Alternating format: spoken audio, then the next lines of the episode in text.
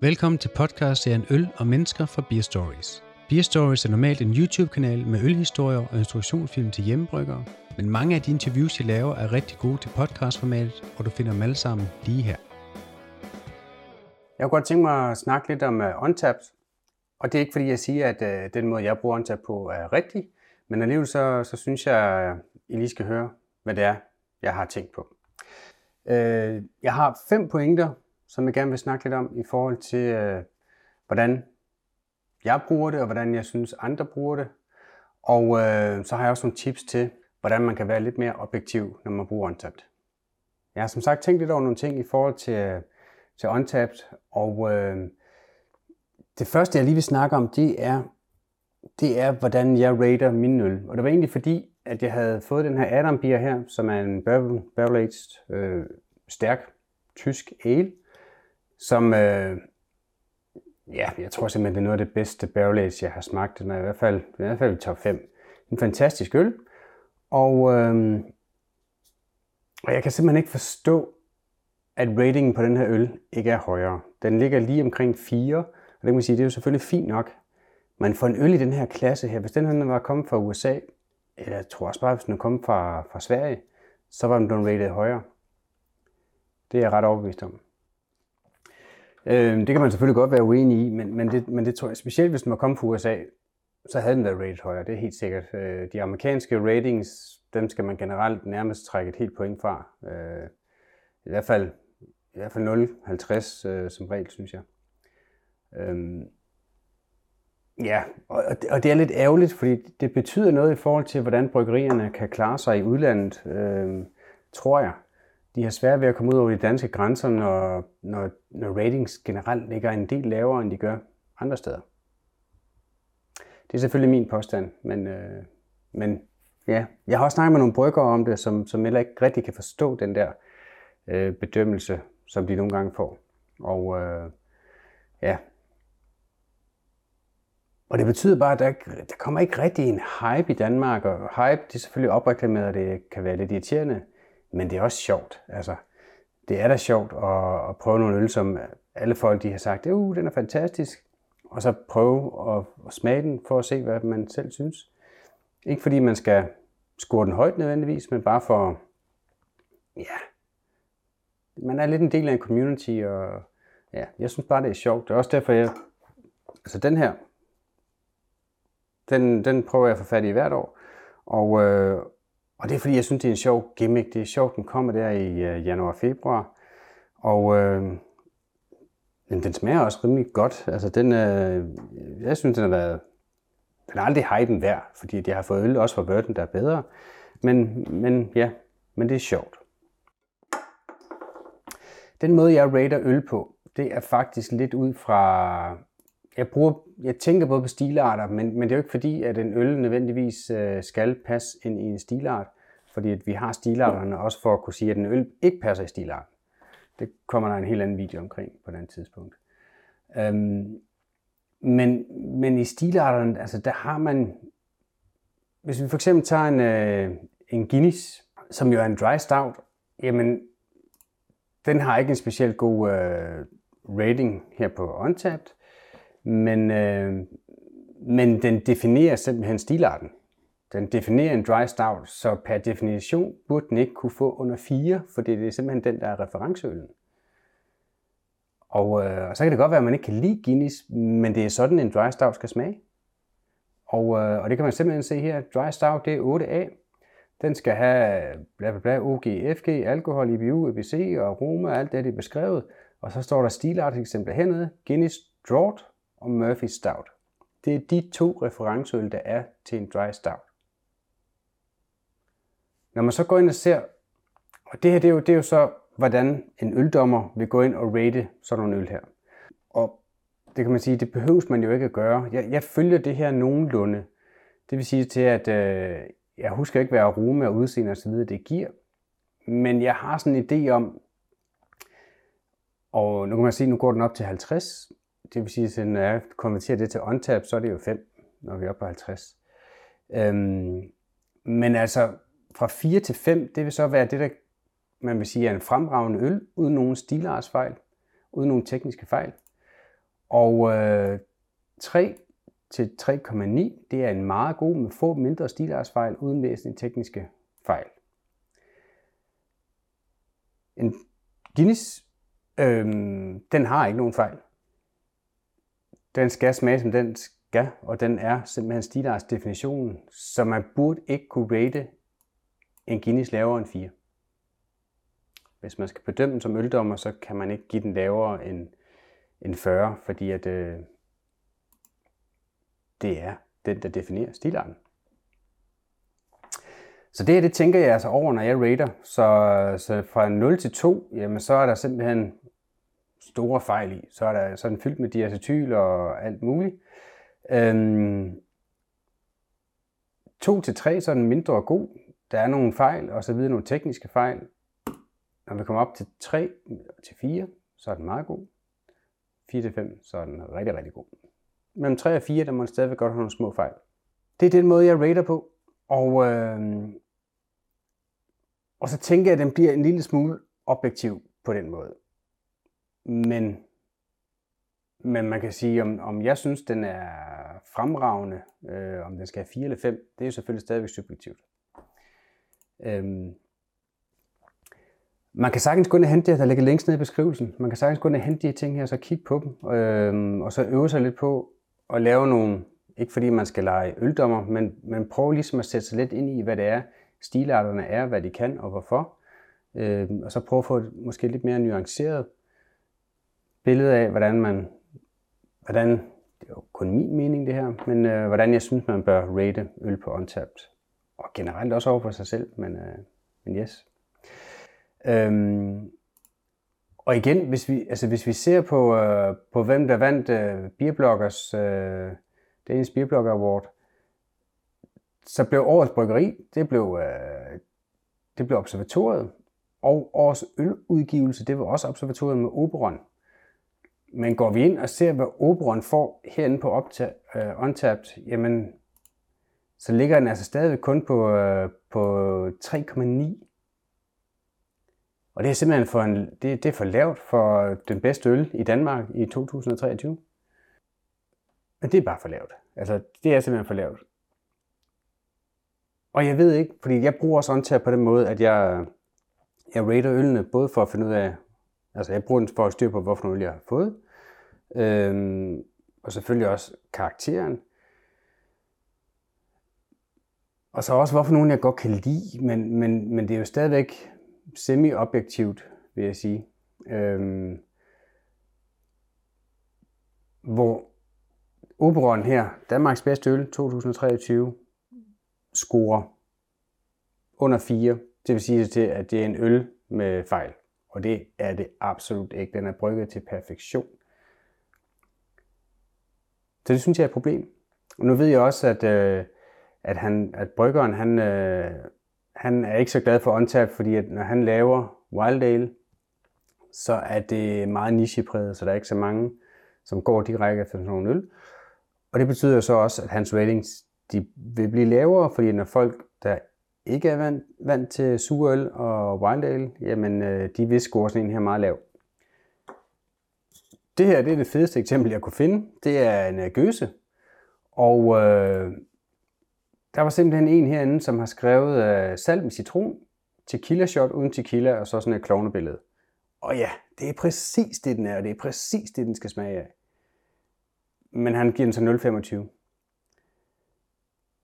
igen, den her burde ligge på 4 som minimum, og så kan det så være en subjektiv vurdering, om den skal ligge mellem, altså hvorhen mellem 4 og 5 den skal ligge. Men den her, den har ingen fejl. Den bør altså ligge op omkring 4. Og det er ærgerligt. Jeg synes, det er rigtig ærgerligt, at, øh, at sådan en øl her, den, den, skal, den skal lide under det. Hvis vi går op og ser den, øh, den reelle karakter, den har i gennemsnit, så ligger den på 3,52. Og det er også for lavt. Det er det.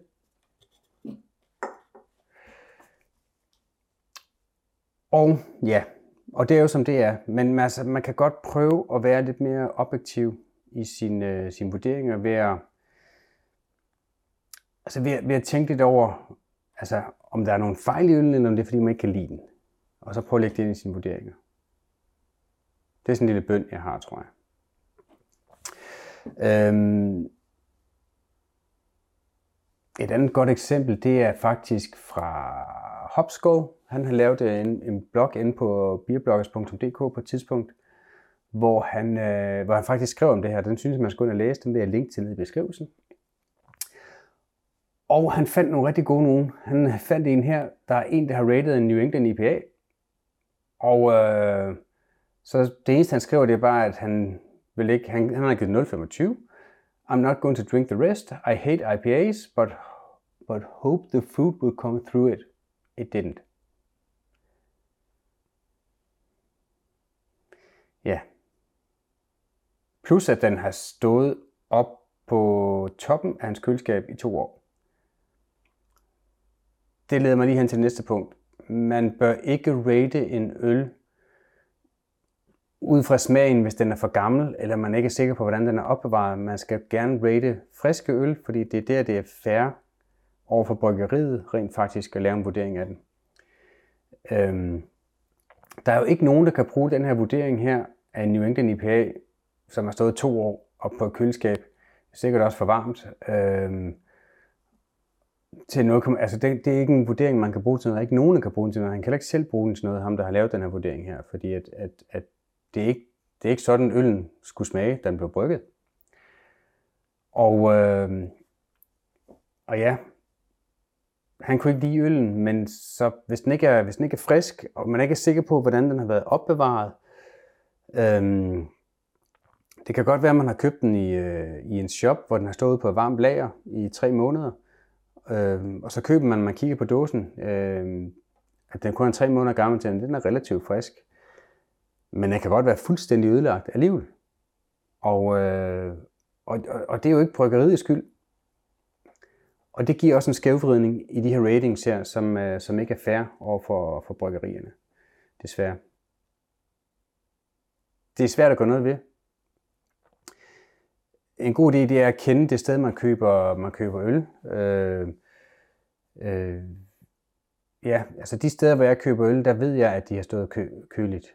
Øh, og jeg ved, at de kommer fra et lager, hvor de har stået koldt. Og, øh, og, og det bør man det bør man faktisk købe sin øl på den måde. Øh, man skal ikke tage dem fra bagerste hylde øh, inde i, øh, inde i supermarkedet, hvor de har stået opbevaret alt, alt for varmt. Det, det, det, det er bare ikke en god idé. Det er ikke fair for bryggeriet, for det er ikke sådan, den skulle smage. Den er ødelagt. Ja, og så, og så har jeg også tænkt det her altså med at købe øl baseret på ratings det, det kan jo være super farligt med sådan en her. Det kan være super farligt med, øh, med Oberon, som vandt årets øludgivelse 2023. Hvis kunderne går efter ratings, fordi at, øh, at de øl er sindssygt gode. Oberon, bedste øl. Men hvis jeg kigger på den og tænker, ah, hvis den ikke engang har fået fire, og jeg står med en anden, der har fået fire, eller mere, mm, så vil jeg jo gå efter den. Jeg må indrømme, jeg bruger selv Untapped, når jeg står, øh, når jeg står og skal vælge en øl, hvis jeg har to øl i hånden og kigger på dem, læser om den, så bruger jeg det selv nogle gange. Og jeg, jeg ved faktisk ikke, om det er forkert. Øh, lidt forkert er det jo. Men jeg gør som regel det, at hvis det er, hvis jeg for eksempel står øh, i kiosk nede i kælderen, det hele er på køl, og jeg står og kigger på to øl fra for jeg går først efter bryggeriet, og så vælger jeg øllen inden for bryggeriet, medmindre jeg går direkte efter en specifik øl. Men så tager jeg måske to øl fra, fra, fra Bad Seed, eller et andet bryggeri, Monkeys eller whatever, og kigger på dem, hvorfor en skal jeg vælge. Så har jeg masser af referencer måske fra, fra Instagram og andre steder. Men når jeg så kigger på dem, så kan jeg godt lige finde på at tjekke Untapped for at se, hvorfor en af dem har den højeste rating, og, øh, og så købe den. Og det er måske også lidt forkert. Men et eller andet sted, så giver det mig måske bare en lille bitte chance for, at jeg har taget det bedste valg lige der. I stedet for at købe dem begge to. Det kunne man selvfølgelig også. Men hvis man er oppe i nogle prisklasser, der er deroppe omkring 100 kroner for en øl, så, så, så køber jeg som regel kun en af dem. Nå. Det som ratings kan gøre ved et bryggeri jeg synes øh, igen, øh, Hopskov Beer Guide, hans blogindlæg her på Beerbloggers, der havde en rigtig godt eksempel med, at øh, han var på MBCC, smagte en, øh, en IPA, der var direkte fra dåselinjen, og øh, den fik rigtig mange ratings på MBCC, og, øh, og de var relativt lave, fordi den, havde, øh, den var lidt for grøn. Og det betyder så bare, at den øl, den kom aldrig rigtig ud i butikkerne hjemme i Danmark. Øh, det var et svensk øh, bryggeri, det her, Omnipolla tror jeg det var. Øhm, de kom ikke ud i, i, øh, ud i handlen i Danmark, fordi at den havde fået lave ratings, så hvorfor skulle den blive hentet til Danmark? Han fandt den så alligevel efter nogle uger et sted, øh, smagte den igen, hvor den bare har været fantastisk. Og det er jo et eksempel på, hvordan, hvordan OnTap ret hurtigt kan påvirke den måde, som øl bliver distribueret på. Og det gælder jo også danske bryggerier i forhold til udlandet. Bad Seed er lige begyndt at komme til Sverige, og det er jo sindssygt fedt, og de bliver modtaget rigtig godt derovre. Øhm, men det, er jo, det, er jo, det kan være rigtig svært for danske bryggerier at bryde den grænse, fordi at er der nogle distributører der, eller importører, som er interesseret, hvis de går ind og kigger på OnTap som det første, så er de danske ratings bare noget lavere end en lige så god øl fra udlandet. Og det synes jeg er ærgerligt for dansk øl. Min anbefaling, som jeg godt kunne tænke mig, at man gjorde, det var, øh, jeg linker til stilartsdefinitionerne nede i beskrivelsen. Jeg linker også til, til det her schema her, hvor man, hvor man kan prøve at lege øh, øldommer og prøve at bedømme nogle øl. Og øh, jeg linker også til, til Beerbloggers, øh, til Hopskolds øh, blogindlæg her. Jeg kunne godt tænke mig, at man prøvede at kigge lidt af de her stilguider her. Øh, og jeg ved godt, det er jo ikke alle øl, der, der falder under stilguide. Øh, Adam Beer findes ikke i den danske stilguide, for eksempel. Men, men alligevel så prøv at, at prøve at sætte sig lidt ind i det, fordi jeg synes, det giver, jeg synes, det giver rigtig god mening for mig i hvert fald. At have en eller anden reference, øh, og vide lidt om, hvilke fejl det er, der kan være, og hvad man skal lægge mærke til i, øh, til i øllen. Og så prøve at rate det derudfra. Og det vil sige, at når vi så kommer op og nærmer os 4 og så op til 5, så bliver det meget subjektivt. Men indtil da, der er mine vurderinger ret objektive, vil jeg påstå. Ja, og jeg siger ikke, at min måde er den rigtige måde, det er bare min måde. Øhm, det eneste, jeg godt kunne tænke mig, det var bare, at, øh, at man lige prøver at reflektere lidt over, hvordan man bruger Untapped og, øh, og de andre rating apps for den sags skyld. Der findes jo også Beer Advocate og RateBeer og så videre, som jo sådan set er det samme. Men det var egentlig bare det, jeg vil sige. Husk links nede i beskrivelsen, og ellers så er det bare øh, glædelig øljagt derude. Tak for, at du lytter med på podcastserien Øl og Mennesker fra Beer Stories. Hop gerne ind på YouTube-kanalen Beer Stories for at se flere interviews eller instruktionsfilm om ølbrygningen og tips omkring øl generelt. Følg også bloggen Beer Stories på Facebook og Instagram.